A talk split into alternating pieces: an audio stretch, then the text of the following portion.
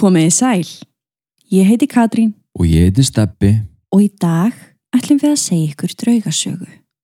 En áður en við hefjum sögu dagsins langar okkur að minna á áskriftasíðan okkar patreon.com skástrík draugasögur. Eins og þau vitið þá höldum við úti tveimur hlaðarpum. Það eru draugasögur podcast sem þið eru að hlusta á núna og svo sannar íslenska draugasögur. Samanlagt eru þarna á ferðinni yfir 100 sögur sem eru aðgengilegar á öllum hlaðvarpsveitum frítt. Þið hafi líka eflust tekið eftir því að auglýsingar er í algjöru lámarki hjá okkur. Við höfum einfallega gefið þessa þætti út án endurgjalds vegna þess að við erum verulega brennum fyrir þessu málefni og viljum segja ykkur þessar sögur. Það eina sem við byggjum um í staðinn er að þið fylgið okkur á ykkar hlaðvarsveitu og hlustið. En við gætum ekki gert þetta án fólksins sem að stiður við bakið á okkur og skráir sér í áskrift. Það eru áskrifundur sem ger okkur þetta klift. Alla draugasögur sem við segjum fara á meðal þessi, allir staðir sem við rannsökum og öll sönnunagögn sem við náum er í bóði þeirra. Við munum halda áfram að gefa ykkur sögur eins oft og við mögulega getum og á sama tíma vonum við að þið haldið áfram að skrá ykkur í áskrift til þess að styðja við hlaðurpun okkar og auðvitað fá aðgangað fullt af draugasögum, rannsóknum, viðtölum, sönnunagögnum og ég veit ekki hvað og hvað. Kíktin á patreon.com skástrík draugasögur og skoðaði áskriftarleðarnar sem eru þar í bóði. Engin binding og þú farið aðgang af öllu efninu strax við skráningu. Héræðið sem við ætlum að heimsækja í dag hefur verið kallað himnaríki á jörðu, staður guðana. Við erum rúmlega 7000 kílometrum frá okkar heimalandi, í Himahal Pradesh sem er í norður Indlandi. Höfuborgin þar heitir Shimla. Náttúran og útsýnið þarna er mikilfenglegt, nánast ótrúlegt og hefur það laðað fjöldan allan af ferðamönnum. Sumir þeirra snúa aldrei tilbaka, einfallega vegna þess að þeir vilja það ekki. Þeir vilja ekki kveðja þennan nýja guðdómlega heim. En það hefur orðið til þess að fólksfjöldin á svæðinu er orðin alltaf mikill. Hús hafa verið byggð á óstöðugum grunni og göng hafa verið sprengt upp í gegnum fjöllin svo að fólk geti ferðast á melli borga. Fræðimenn vilja meina að það þurfi lítið til þess að borgin falli um sjálfan sig og nú þegar eru hús byrjuð að rinja við minnstu jarðskjálta. En þetta er bara til þess að við gerum okkur grein fyrir umhverfinu í kringum okkur. Við ætlum að færa okkur aðeins hærra upp í lítinn bæ sem er staðsettur við fjálsrætur Himalaya. Þessi bær heitir Barok og þar er að finna gamla lestarstöð sem var byggð árið 1919 og var hún mikið í nótkunn þegar breytar stjórnuðu meiri hluta Indlands frá árunum 1858 til 1947. Í þessum litlu, hvítu og bláu húsum sem skarta öll rauðu þaki stoppuðu ferðamenn lestarinnar til þess að fá sér heita máltíð áður en þeir heldu ferð sinni áfram til bæjarins Kalka í gegnum fjöllin. Eftir matin var stíð aftur um borð og við tókuð þá lengstu göngin, göng nr. 33. Lestin keirir á 25 km hraða og það tekur ekki nema 2,5 mínútu að fara þannig í gegn, en þrátt fyrir það virðastu endalaus. Göngin eru þröng, rétt passa utanum lestina og í kring er svarta myrkur. Engin veit nákvæmlega hvað það er sem leynist hann í myrkrinu, en sagan í kringum þessi göng er áhugaverð og á sama tíma skuggaleg. Við bjóðum ykkur velkomin um borð. Næsta stopp er baróklestarstöðin eða draugagöngin nr. 33.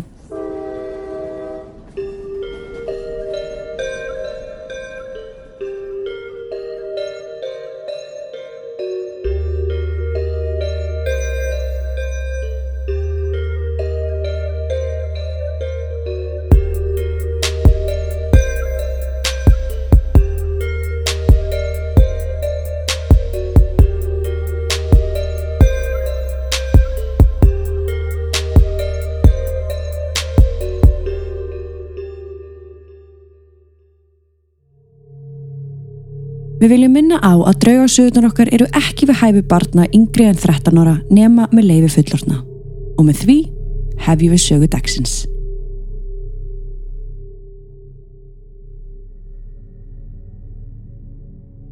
Til þess að skilja söguna um barokkgöngin og ástæðuna fyrir því að þar sé talið reynd, þá þurfum við fyrst að kynast manni sem hétt barokk. En það veriðst samt enginn vita hans fulla nafn. Það er mjög undarlegt. Svo lítið undarlegt, en býtu, sagan er rétt að byrja. Já. Skoðum samt aðeins hérna myndirnar, þessar fyrstu myndir sem fylgja þætti dagsins sem þið getur skoðað inn á draugasögur.com. Ef þú getur kannski aðeins stefi líst svona hvað þú ert að sjá hér. Við sjáum þarna svona ljósblá pínu væmin tótt þarna í kringum göng. Já, Þau eru svolítið svona leikfangaleg. já og húsin hann í kring, það er einmitt þessi hvítu og bláu hús sem ég var að tala um áðan, það er lestarstöðin og þarna er ótrúlega reynd, ótrúlega Já. snirtilegt. Og svo bara aðeins því gamans, þá hefur lestin sem að keirir þarna í gegn oft verið kölluð leikfangalestin af því að Já, hún er einhvern veginn þannig gerð Já, þetta er voða dótalegt Já. eitthvað. þannig að skoðið endilega myndirnar Mhm. en barokk var ennskur járnbrauta verkfræðingur sem var fenginn í það verkefni árið 1898 að grafa göng í gegnum fjall sem að aðskildi bæina tvo, Shimla og Kalka Og Simla, það var aftur höfuðborgin. það er höfuborgin aðna Barokk fekk ströng tilmælum hvenar göngin skildi vera tilbúin og hann fekk allan þann mannskap er hann þurfti. Þrátt fyrir það var þessi tímarami ansið þröngur, svo Barokk ákveður að vinna verkið aðeins öðruvísi. Já, í staðinn fyrir að byrja einu megin við fjallið og grafa sig í gegn, þá skiptan vinnumönunum upp í tvo hópa, sitt hverju megin við fjallið. Hans útreikningar vildu meina að það væri fljótlegra að grafa göngin á þennan hátt og svo myndu hóparnir tveir hittast í miðjunni. Ég meikar alveg sæns fyrir mér, hvað veit ég, svo sem. Verkið hófst og gekk vel í fyrstu. Barokk var duglegur að segja fólkinu til og var ánaði með þessa hugmynd sína. En klukkan tifaði og ennþá voru hópatni tveir ekki búinir að mætast í miðjunni þrátt fyrir að vera komin örgla inn í mitt fjallið. Þá kemur í ljós að útreikningar verkfræðingsins stóðust ekki og verkefnið gekk þess vegna ekki upp. Því líkt klúður. Þannig að þeir voru greinilega komnir Mhm. báðu megin alveg í miðjuna Já, já. Hittust ekki. hittust ekki. Annarkort var tekin einhver röng beigja þarna Mhm. eða þeir voru sko undir og yfir hvort öðrum. Já, það getur náttúrulega líka. Já, já, já. En við veitum ekki hvort að þeir hafi kannski bara verið ótrúlega nálægt hver öðrum. Nefnilega. En eftir þetta þá varð breska ríkistjórnin sem að réði yfir þessum part Indlands Jú, jú. reið og það var ákveðið að sekta barokk fyrir klúðrið. En það var samt ekki það versta. Mannorð verkfræðingsins tók þarna gífurlegt högg og þetta var mjög skömmustulegt allt saman. Í kjölfarið sökkan í djúft þunglindi og sömulegis vinnumennir sem voru búin að vinna dag og nótt til einskis. Já, í rauninni. Barokk var ekki giftur maður og átti engin börn. Hans eini vinur var hundurinn hans, en hann var einmitt með honum í för þegar Barokk ákveður að fremja sjálfsvík í miðjum göngutúr. Og það eru skiptar skoðunir á því hvað nákvæmlega gerðist. Einn sagan segir að hann hafi skotið sig í höfuðið cirka 8 mínútum frá göngunum þar sem í dag stendur hótel. Önnur sagan segir að hann hafi fyrst skotið hundin og síðan sjálfan sig við göngin sem að mislukust svona illulega og þriðja sagan segir að hann hafi jú skotið sig í höfuðið við göngin en hundurinn hafi lifað af. Þessi hundur spilaði síðan stórt hlutverk þegar að koma því að finna lík barokk því um leið og hann fjall á jörðina hljóp hundurinn burtu til þess að sækja hjálp og leiti hann fólk að húsbónda sínum. En hvernig sem er, þá er svolítið svona örugt að hann hafi skotið sjálfa sig. Já, og ég meina allar þessar frásagnir eru svipaðar. Maðurinn framdi sjálfsvíg þó að sé aðeins misjamt hvar fólk telur að harmleikurinn hafi átt sér stað. Og það sama má segja um hvar Barokk er grafin. Mm Sumi segja hans er grafin hliðin á göngunum, aðri telja gröf hans vera nálægt hraðbraut sem er aðna skamt frá. Já, þetta er alveg smá loðið. Já, Andlót Barak kom fólki í opna skjöldu. Muna auðvitað vissu allir að maðurinn væri að ganga í gegnum erfiða tíma eftir þetta allt saman. jú, jú. En engan grunaði að hann myndi íhuga sjálfsvík. En þó að Barok væri nú farin þá þurfti samt að byggja þessi blessuðu göng. Svo annar verkfræðingur, maður á nafni H.S. Herlington, var fengin í verkið. Honum gekk sjálfum ekkert allt og vel. Hann átti erfitt með að reikna út hvernig játbrautateinarnir ætti að snúa og hvernig væri best að byggja göngin. Já, hann þetta er pínur svona svo að sé einhvers konar bölfum, Bölvun. á þessu verkefni. Já, hvort það sé einhver svona bermúta fílingur þarna inn í fjallinu eða eitthvað. En þessi verkfræðingur, hann fekk að lokum hjálp frá indverskum dýrling sem hétt Baba Balku og var þessi Baba Balku hans hægri hönd í gegnum þetta verkefni sem hófst í júli árið 1900 og lauk í september árið 1903 og bara svona til að taka það fram, það er nánast saga út af fyrir sig Já, ok. en það eru mjög skiptar skoðanir á þessum dýrling Þessum baba. jáfnvel bara hvort hann hafi verið til allavega hann átti greinilega að hafa búið yfir einhverju yfirnáttúrulegri verkfræði kunnóttu Til aðeim. og þannig segjum við bara söguna eins og hún er þekkt Ok. Göngin sem voru nummið 33 voru síðan nefnd í höfuðið á barokk til þess að votta honum virðingu. já, þannig að það er svo litið eins og fólk hafi fengið jáfnvel bara smá samvinskubitt yfir því að þetta hafa allt saman farið svona illa og Fundu til með honum, ég menna þú veist, hann var að gera þetta fyrir borgarbúa og já, þannig að, þannig að þeir ákveða heiðir hann á þennan hátt Mm. en það lítur nú samt út fyrir að Barokk hafi aldrei yfirgefið göngin og að andi hans gangi þarna aftur. Og ef við tölum kannski bara aðeins um af hverju ætti hann að ganga aftur. Þetta er náttúrulega bara svona típisk uppskrift að reymleika. Við erum bæða að tala um sjálfsvíg sem að getur leitt til þess að fólk gangi aftur og hann á eitthvað óklárað. Mm Þarna er þetta risastóra verkefni sem hann klúðraði -hmm. og hann fremur sjálfsvík þannig þungt á sig komin, greimaðurinn og hefur kannski það í hyggju ennþá í eftirlífinu að vilja klára þessu göng eða, eða hjálpa fólki Ég held að það sé allavega góða punktur. Ég meina þetta er hálf klára verk mm, sem hann var kannski ekki alveg tilbúin í að sleppa tökum á. Til þess að byrja með þá skulum við samt átt okkur á að göngin sem eru í nótkun í dag, þessi göng númer 33 sem við erum að sjá myndir af, mm það eru ekki sömu göng og barokkgróf með sínum mönnum. Þau göng eru ennþá ókláruð, þarna rétt hjá. Þannig að nýju göngin voru byggð bara örlítið frá. Það var allavega ekki Ok. haldið áfram í gegnum fjallið þann veg sem barokk var búin að riðja. Það var allan ákveð að loka þeim alfarið en það leittu þau ekki neitt og voru slesa hætta fyrir ferðamenn sem vildi sjá þessi frægu ókláruðu göng. Opinu var því lokað með stórri hurð og henni svo skellt í lás. En þú sérð hérna á myndinni steppi hvernig opið af þeim göngum er. Já, þetta er mjög einkennilegt. Ég hefði haldið að þetta væri stærra að vísu er örgulega búið að búa til svona hurðakarm og minka opið þannig það væri hægt að koma fyrir hurð sem væri þá hægt að læsa. Já, og það var gert. Já, Ég meina það var komið fyrir hurð og henni var læst nema hvað að þessi hurð helst aldrei lokuð. nei. Þess vegna sérði enga hurð á þessari mynd. Það er bara op, af því það bara, hún helst ekki lokuð. Dag eftir dag var hún opnuð upp á gátt og kvöld eftir kvöld var henni lokað. Af því það var greinilega einhver þarna sem vildi alls ekki að göngunum yrði lokað. Þannig á endanum gafst ríkið upp, fjarlægði hurðina og lefði göngunum að standa opnum.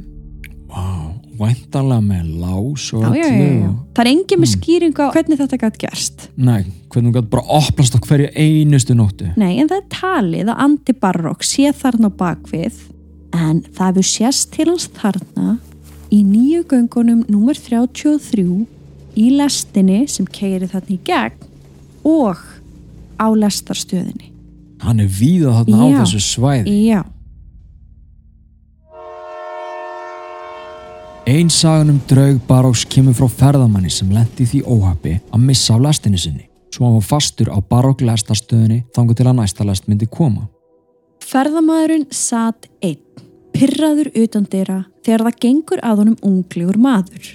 Þessi maður sest hjá honum og þeir byrja að spjalla. Ferðamæðurinn segir honum að hann hafi mist af lestinni og væri því strand þann á stöðinni. Til þess að hressa ferðamannin við ákveður ungi maðurinn að segja honum söguna um göngin. Hann útskýrir fyrir honum hvernig þau voru búin til, hvernig húsin í kring voru byggð og hvernig landið hafi verið áður en þessi yðnaður herrtók svæðið. Ferðamæðurinn hlustaði á mannin en honum fannst ótrúlegt að svona ungur maður vissi þetta allt saman. Svo hann ákveður að spurja hann hvers vegna hann væri svona fróður um þetta svæði. Maðurinn svaraði þá orðrétt. Ég er sá sem á nafnið sem er skrifað á skildi hér fyrir aftandeg. Ferðamæðurinn snýr sér þá við og sér blátt skildi með hvítum stöfum sem ástendur barokk. Þegar snýr sér aftur tilbaka að ungamanninum þá var hann horfin. Þessi ferðamæður er handviss um að hann hafi þarna átt í samræðin við draug eða anda baróks og þetta er ekki eina frásögnin í þessum dúr. Alls ekki, fjölmargir segja frá því að hafa einmitt lent í samræðum við ungan mann þarna á stöðinni sem síðan hverfur þegar þau snúa sér við. Fólk hefur heyrt rættir koma úr göngunum og séð eitthvað standa í þeim miðjum. Annað áhugavert atvik er þegar ung stúlka týnist á barokk lestastöðinni. Fórdrar hennar hefur litið af henni eitt augnablík og á aðeins nokkrum sekundum var litla stúlkan horfin. Hún skilaði sér þó fljótlega heila húfi þegar ungur maður lit hana til öryggisvarðar þarna á staðnum en þegar hann slefti hönd hennar þá kvarfan beint fyrir framann öryggisverðin. Það er talað um að hann sé að passa upp á sitt fólk og þetta er mjög svipað því sem var að gerast á Bullock Hotelinu. Alveg rétt. Þættinu sem við gáum út fyrir áskrifendur. Mhm. Þarna er þessi stelpa, hún týnist Já, og það er talið að Andy Barrock hafi séð hana og hafi leitt hana aftur til foreldra sinna eða til öryggisvarðar sem hann sé hann komin í réttar hendur. akkurát. Það er eins og hann sé að aðstofa. Já, hann er ekki illur eða, eða vill fólki mein. Og svipað atvik á sér stað í lestinni endrum og eins en þá hafa farþegar séð mann sem að einnig virtist vera farþegi gufa upp fyrir fram að nefið á sér um leið og lestin keirir inn í göngin. Áhugavert. Mm Miða við þessa frásagnir þá virðist Andy Barrocks vera sáttur en hann á erfitt með að sleppa tökum á þessum stað. Svo þó að hann hafi kannski hrætt marga fyrst, þá í dag er hann talin vera vinalegu draugur sem að gerir ekki flugum einn. Það eina sem hann verðist vilja gera er að spjalla við lifandi fólk og aðstofa þegar eitthvað bregður út af. Og út af því að hann er svona ákafur við að sína sig, þá er talið að ef þú kallar nafn hans í göngunum, þá fáur þú svar frá herra Barrock sjálfum.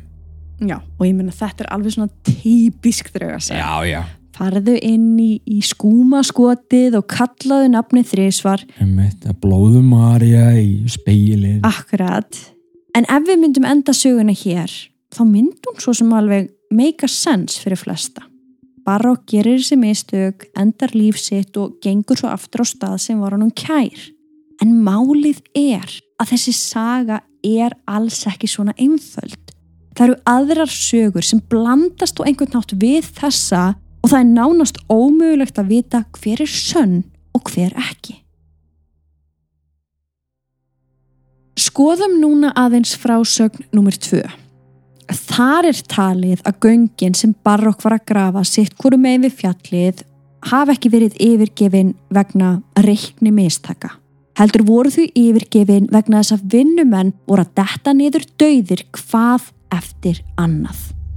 Þessi vinnumenn unnu á vöktum dag og nótt og þegar þeir kvildust þá sváðu þeir í tjöldum alveg upp við göngin svo engin tími færi að koma sér í og úr vinnum.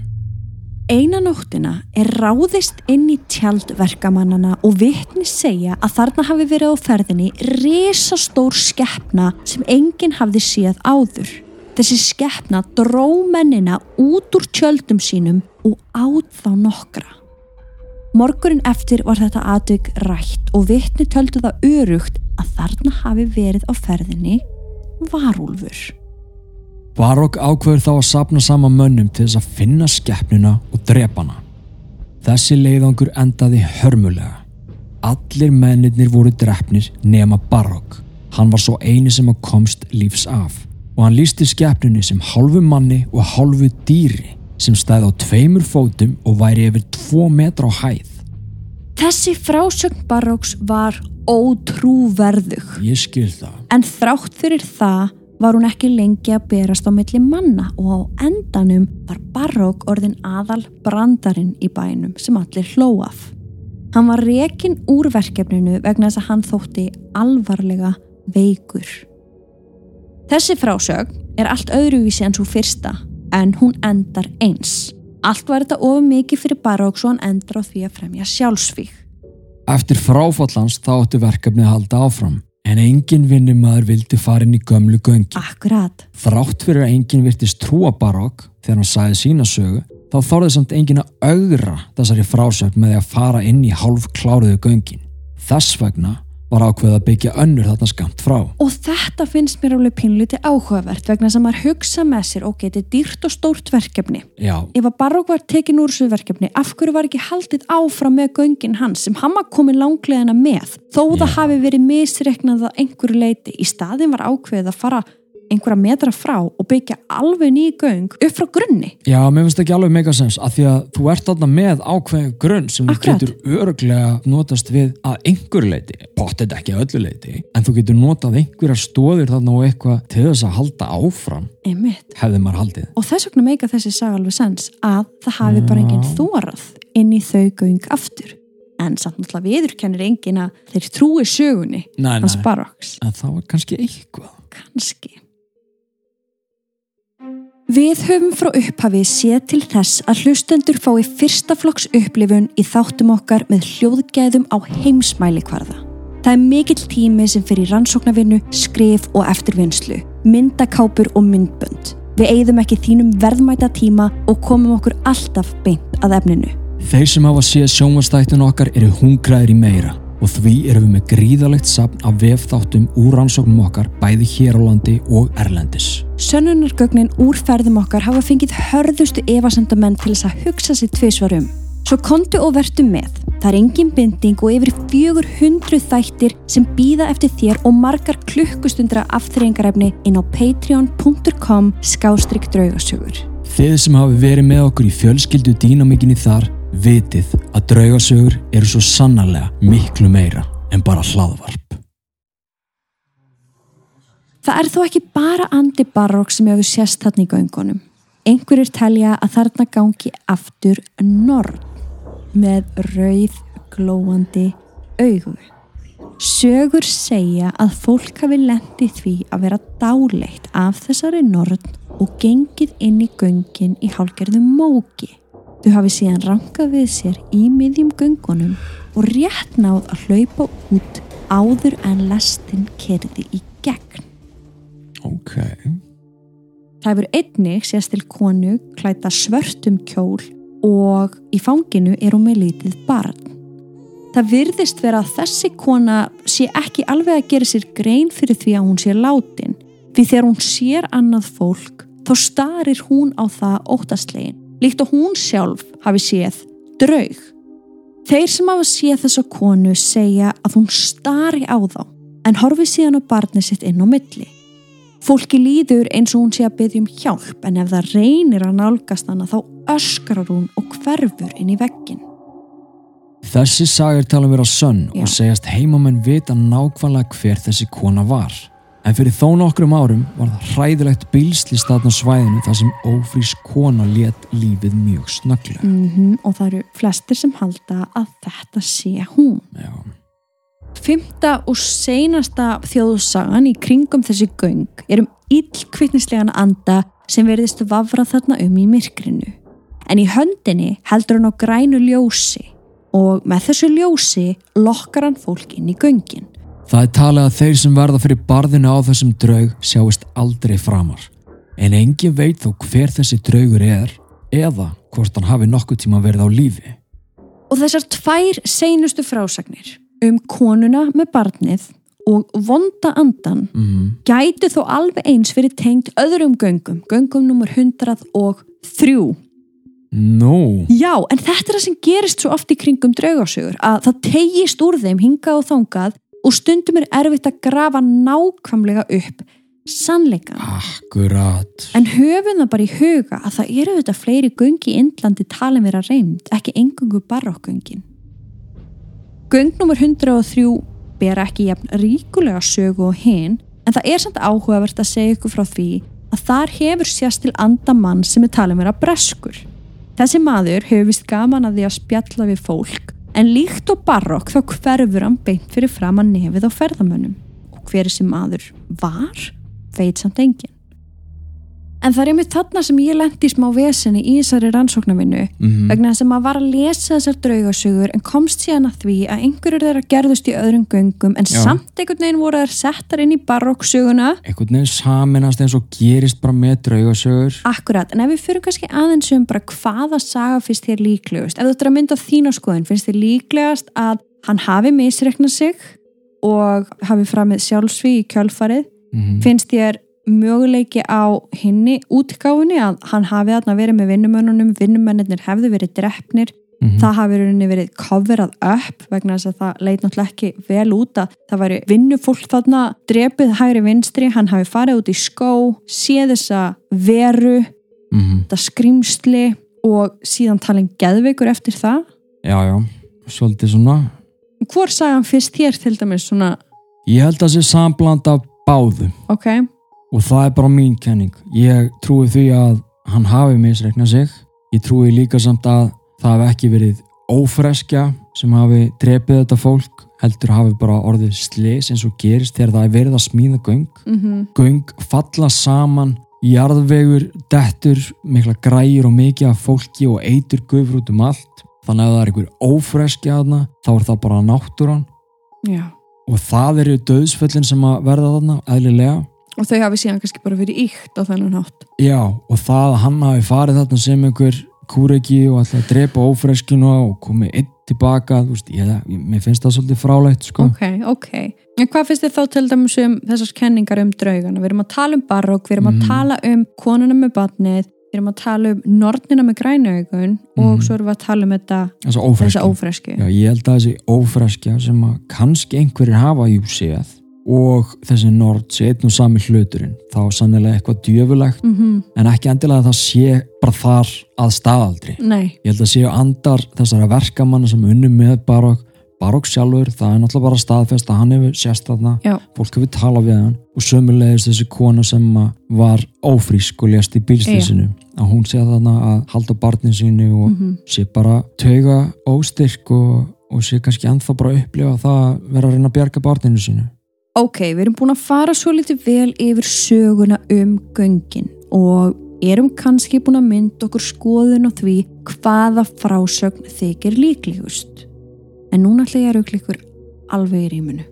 Nú, Hvað myndið þið segja ef ég segði ykkur að bærin Barokk, þessi pínu litli bær við fjálsræturnar, hafið heitið Barokk áður en Barokk sjálfur kom til sögu? Hmm, sem sagt, hann var ekki skýrður í höfuðið á okkar manni, Barokk, heldur mögulega öfugt. Og hvað ef ég sagði ykkur að starffræði dæmi Barokks hafi gengið upp og göngin tvö sem voru grafin sitt hvoru megin við fjallið mættust í miðjunni þann 24. oktober árið 1902. þannig þeir tókust Mm vissulega fóru þeir yfir tímamörkin en það var samt enginn að kippa sér neitt upp við það. Ástæðan fyrir því að verkið tók lengri tíma var vegna eins og þú varst að tala um á það, náttúrulegra erfileika. það var bara ok. það var veður og bara alls konar element sem spiluðu þarna inn í. auðvitað Og það sem þykir einnig áhugavert er það að það er hvergi minnst á það í blöðum að indverski verkfræðingurinn Barokk hafi tekið sitt eigið líf. En það hefði vist verið stór mál á þessum tíma. það hafa alveg verið fréttaefni í Já, Índlandi það er talið, allavega, Ok. okay. allavega meða við mínar rannsóknir, já, þá er talið að það hefði verið fréttaefni. Það hefði staðar komið fram ok og verður með mér. mm, ef maður grefur ennþá dýbra ofan í þess að sögu þá kemur í ljós að barokk var aldrei yfir þessu verki til þess að byrja með. Ó, hver þá? Það eru önnur röp sem eru gefin upp í verkfræðiblöðum á þessum tíma. Sem eru ábyrgi fyrir þessum göngum. Já, þannig að ok, mögulega var hann að gera eitthvað starffræðidæmi en hann var ekki yfir öllum þessum verkamönnum. Hann var ekki að Nei. stjórna þessu verki. Hann var bara kannski teiknari eða eitthvað svoleiðis. Bara vinnumæður, kannski bara vinnumæður þarna á svæðinu. Ok. Sumulegðis er sett spurningamerki við þennan dýrling þarna sem við töluðum um áðan, Balkú sem á að hafa aðstóð H.S. Herlington með verkið eftir andlát Barrocks. Ég skil það, en þá erum við að tala um göng nummer 33. Já, Það er ekki þessi göng. nei. Ok. Hann á að hafa gert það með einhverjum yfirnáttúrulegum kraft Mm. en akkurat á nákvæmlega sama tíma þá má sjá að nýtt tæki var tekið í notkun til þess að auðvelda vinnuna. Og þó ég ætla ekki að fara að ræða neitt nákvæmlega hvernig þetta tæki virkaði eða hvernig það var Já. þá var mikið fjallat um það í svona verkfræði blöðum á þessum tíma. Þannig að mögulega þá kemur þessi dýrlingur þannig inn ætlar eitthvað að aðstóða en ég meina tæknin er bara orðin mun betri. Já, þannig þessi dýrlingur og yfirnáttúrulegi kraftur er í rauninni bara vél. í rauninni skil. og ég veit þetta setur alla sögun okkur úr jafnvægi Mm ef við erum ekki með stöðugan grunn hvernig eigum við þá að skilja reymleikan á staðnum Það er fjandi erfitt, Já. en alls ekki óalgengt. Við erum ekkit alltaf með svör af hverju andar halda sig á ákveðnum stöðum. og þegar að kemur að göngu nummer 33 þá er ekkert eins og það sýnist það eru greinilega einhver leyndamál þarna á bakvið einhverjar upplýsingar sem okkur vantar til þess að skilja söguna almennilega og þá spyrum að sig gæti verið að þessum upplýsingum sé haldið frá okkur? Og ég ætla aðeins að stoppa. Já, ég er ekki endilega að segja að þetta sem ég er að segja ykkur núna þetta Mm. sem ég er að ruggla ykkur um í rýminu já, sé heilagur sannleikur. Næ, ég er að segja að þetta sé enn önnur kenningin sem er að vísu bara skrifuð í frekar vel virt blöð. Já, annað en hinn sagan. í rauninni annað en hinsagan af því að hinsagan er bara það sem fólk þekkir og það sem Já, bara hefur svona borist á milli manna mm, en ef maður fer að rýna í þessi lifandi vísindi blöð já, að þá kemur þetta í ljós já. að hann hafa aldrei verið þessi rosa kall sem hann var Hann hafi kannski bara verið arkitekt eða bara verkamæður. Og ef við skoðum aftur frásagnirnar um draugana þarna á staðinum sem við sögðum ykkur frá áðan Mm, þá skulum við aðeins pæla. Hver af þessum frásagnum er líklegust til þess að vera þögguð niður?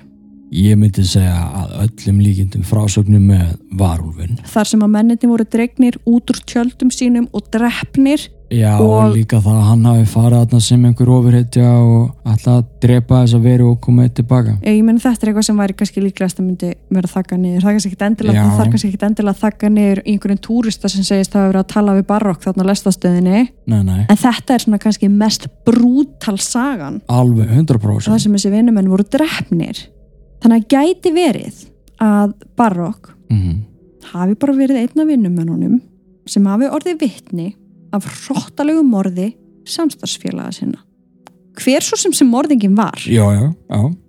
það kæmi ekki vel út fyrir bresku ríkistjórnina ef að uppkæmist að fjöldi fólks hafi verið drepið á fjöllum í Indlandi af einhverju skeppnu sem engin vissi neitt um er þetta að skilja? Ég er að skilja þig.